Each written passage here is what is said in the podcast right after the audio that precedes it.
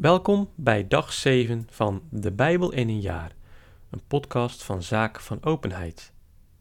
Vandaag lezen we Genesis 13 en 14, Psalm 7 en Matthäus 6, vers 1 tot en met 18. Genesis 13 Zo trok Abram met zijn vrouw en al zijn bezittingen uit Egypte weg, de Negeb in, en Lot met hem. Abram was zeer rijk aan vee, aan zilver en goud. Van de Negeb trok hij geleidelijk voort naar Bethel, naar de plaats tussen Bethel en Ai, waar al eerder zijn tent had gestaan en waar hij vroeger een altaar had gebouwd. Daar riep Abram de naam van Jehovah aan. Ook Lot, die met Abram was meegetrokken, bezat schapen, runderen en tenten. De landstreek echter liet niet toe dat zij bij elkaar bleven wonen, want hun bezittingen waren zo groot dat zij onmogelijk bij elkaar konden blijven. Telkens rees er twist tussen de veeherders van Abram en de veeherders van Lot. Bovendien woonden ook de Canaanieten en de Perezieten nog in die streek. Daarom zei Abram tot Lot: Laat er toch geen oneenigheid zijn tussen mij en u, tussen mijn en uw herders, want we zijn toch broers van elkaar. Ligt niet het hele land voor u open? Trek dus liever van mij weg. Gaat gij links, dan ga ik rechts. Gaat gij rechts, dan ga ik links. Lot sloeg zijn ogen op en zag dat de hele Jordaanstreek overvloed van water had. Voordat Jewe Sodoma en Gomorra had verdelgd, was ze tot Zoar toe als de tuin van Jewe, als het land van Egypte. Daarom koos Lot de hele Jordaanstreek voor zich en trok op naar het oosten. Zo gingen ze uiteen. Abram bleef in het land Canaan wonen, maar Lot vestigde zich in de steden van de Jordaanstreek en sloeg zijn tenten op tot Sodoma toe. Ofschoon de mannen van Sodoma zeer slecht waren en zwaar zondigden tegen Jahweh. Jahweh sprak tot Abram nadat Lot zich van hem gescheiden had. Sla uw ogen op en blik van de plaats waar ge staat naar het noorden en zuiden, het oosten en westen. Al het land dat ge ziet, zal ik geven aan u en uw kroost voor altijd. Ik zal uw nageslacht talrijk maken als het stof der aarde. Als iemand het stof der aarde kan tellen, dan zal hij ook uw geslacht kunnen tellen. Sta op, doorkruis het land in zijn lengte en breedte, want aan u zal ik het geven. Toen brak Abram zijn tenten op en ging te Hebron wonen bij de eik van Mamre en bouwde daar een altaar voor Yahweh. Genesis 14 Het gebeurde in die dagen dat Amraphel, de koning van Shinar, Arjok, de koning van Elasar, Kedorlaomer, de koning van Elam, en Tidal, de koning der volken, oorlog voerden tegen Bera, de koning van Sodoma. Birsja, de koning van Gomorra, Shinab, de koning van Adma, Shemeber, de koning van Seboim en de koning van Bela, dat is Zoar. En dat al deze laatsten met vereende krachten optrokken naar de vlakte van Sidim, dat is de Zoutzee. Twaalf jaar lang hadden zij Kedor Laomer gediend, maar in het dertiende jaar waren zij in opstand gekomen. In het veertiende jaar waren Kedor Laomer en de koningen die zijn bondgenoten waren opgerukt, hadden de Refaïten bij Ashterot Karnaim verslagen, de Zoezieten bij Ham, de Emieten in de vlakte van Kiriataim en de Gorieten in het gebergte van Seir tot aan de eik van Paran, aan de rand der woestijn. Op hun terugtocht waren zij naar En-Mishpat getrokken, dat is Kadesh, en hadden al de vorsten der Amalekieten verslagen, en eveneens de Amorieten die in Gazason Tamar wonen. Nu trok de koning van Sodoma op met de koning van Gomorra, de koning van Adma, de koning van Seboim en de koning van Bela, dat is Zoar, en gezamenlijk stelden zij zich in de vlakte van Siddim in slagorde tegenover Kedor Laomer, de koning van Elam, Tidal, de koning der volken, Amraphel, de koning van Shinar, en Arjok, de koning van Elasar, vier koningen tegen vijf. In de vlakte van Sidem nu waren talrijke asfaltputten. En toen de koningen van Sodoma en Gomorra moesten vluchten, sprongen zij daarin, terwijl de overigen in de bergen ontkwamen. De vijanden maakten alle bezittingen en alle levensmiddelen van Sodoma en Gomorra buit en trokken af, ook Lot, de zoon van Abrams broer, namen zij met al zijn haven en goed op hun terugtocht mee, want hij woonde in Sodoma. Een vluchteling kwam het Abram, de Hebreeër, berichten. Deze woonde toen bij de eik van Mamre, den Amoriet, de broer van Eshkol en Aner, die bondgenoten waren van Abram.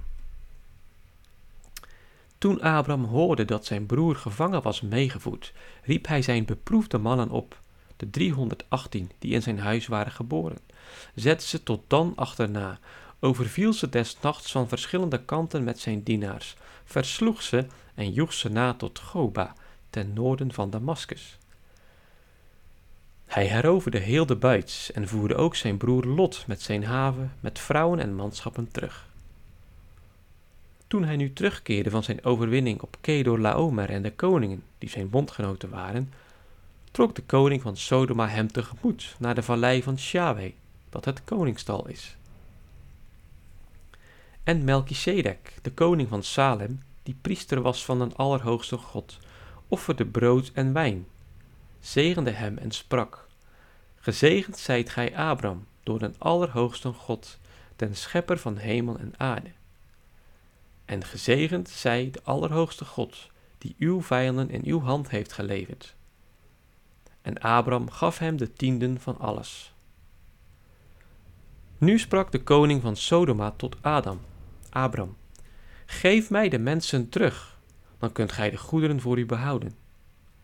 Maar Abram zei tot de koning van Sodoma, ik steek mijn hand tot Jewe op, den allerhoogste God, den schepper van hemel en aarde. Geen draad en geen schoenriem, niets van wat u toebehoort neem ik aan, opdat gij niet zoudt kunnen zeggen, ik heb Abram rijk gemaakt. Dat zij verre van mij. Enkel wat mijn slaven hebben verteerd, en het deel van Aner, Eskiol en Mamre, de mannen die met mij zijn uitgetrokken, dat mogen ze als hun aandeel behouden. Psalm 7 Een klaaglied van David, dat hij Jaweh toezong naar aanleiding van Cush, de Benjamiet. Jaweh, mijn God, tot u neem ik mijn toevlucht. Help mij en verlos mij van al mijn vervolgers, opdat ze mij niet als leeuwen verscheuren en wegslepen, reddeloos verloren. Jaweh, mijn God, als ik dat zelf heb gedaan, als er onrecht kleeft aan mijn handen, als ik kwaad heb vergolden hem die het mij aandeed, heb uitgeplunderd die mij zonder reden bestreed. Laat dan de vijand mij achtervolgen, totdat hij me grijpt. Mijn leven op de grond vertrappen, mijn eer vergooien in het slijk. Maar nu, o Jewe, sta op in uw toorn, verhef u tegen mijn grimmige vijand. Waak op tot het oordeel dat gij zelf hebt gewild. Laat de scharen der volken u omringen. Span de vierschaar over haar in den hoge, als rechter der volken, o Jewe. Doe mij recht, Jewe, naar mijn gerechtigheid en naar de onschuld mijns harten. Maak een einde aan de boosheid der zondaars, maar laat de rechtvaardige blijven bestaan.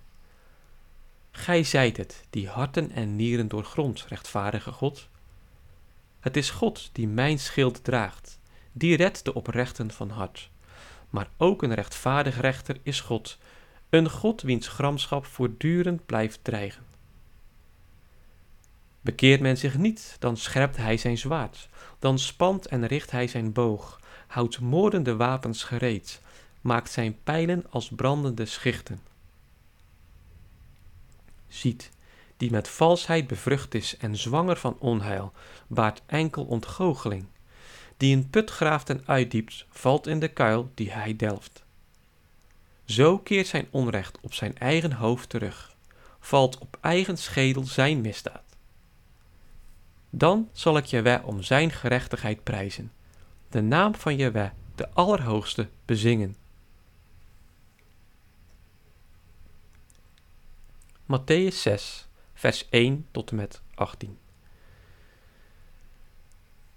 Zorg ervoor dat gij uw gerechtigheid niet beoefent voor het oog van de mensen, om door hen gezien te worden. Anders zult gij geen loon ontvangen bij uw Vader die in de hemel is. Wanneer u dus een aalmoes geeft, laat het dan niet voor u uitbezuinen, zoals de huigelaars dit doen in de synagogen en op de straten, om geëerd te worden door de mensen. Voorwaar ik zeg u, ze hebben hun loon reeds ontvangen. Maar als gij een aalmoes geeft, laat dan uw linkerhand niet weten wat uw rechterhand doet, opdat uw aalmoes verborgen blijft. En uw vader, die in het verborgen ziet, zal het u vergelden. En als gij bidt, doet dan niet als de schijnheiligen, die ervan houden in de synagogen en op de hoeken der straten te staan bidden, om door de mensen gezien te worden. Voorwaar ik zeg u, ze hebben hun loon ontvangen. Maar als gij bidt, ga dan uw binnenkamer in, sluit de deur en bid uw vader in het verborgen. En uw vader die in het verborgen ziet, zal het u vergelden. Als gij bidt, gebruik dan geen stortvloed van woorden, zoals de heidenen dit doen, want ze menen dat ze onder hun vele woorden worden verhoord. Doet niet zoals zij, want uw vader weet wat gij nodig hebt, voordat gij er hem om vraagt. Zo zult gij dus bidden. Onze Vader, die in de hemel zijt, uw naam worden geheiligd, uw rijk komen. Uw wil geschieden op aarde zoals in de hemel. Geef ons heden ons dagelijks brood, en vergeef ons onze schuld, zoals ook wij aan anderen hun schuld vergeven. En leid ons niet in bekoring, maar verlos ons van het kwade. Want zo gij aan de mensen hun fouten vergeeft, zal uw hemelse Vader ook u vergeven. Maar vergeeft gij aan de mensen niet, dan zal uw Vader ook uw fouten niet vergeven. Wanneer gij vast, trek dan geen somber gezicht zoals de huigelaars, want ze verwringen hun gelaat, opdat de mensen hun vasten zouden zien. Voorwaar, ik zeg u, ze hebben hun loon al ontvangen. Maar als gij vast, zalf dan uw hoofd en was uw gezicht, opdat de mensen uw vasten niet merken, maar uw Vader die in het verborgen is, en uw Vader die in het verborgen ziet, zal het u vergelden. Tot zover het woord van God. Deo gratias.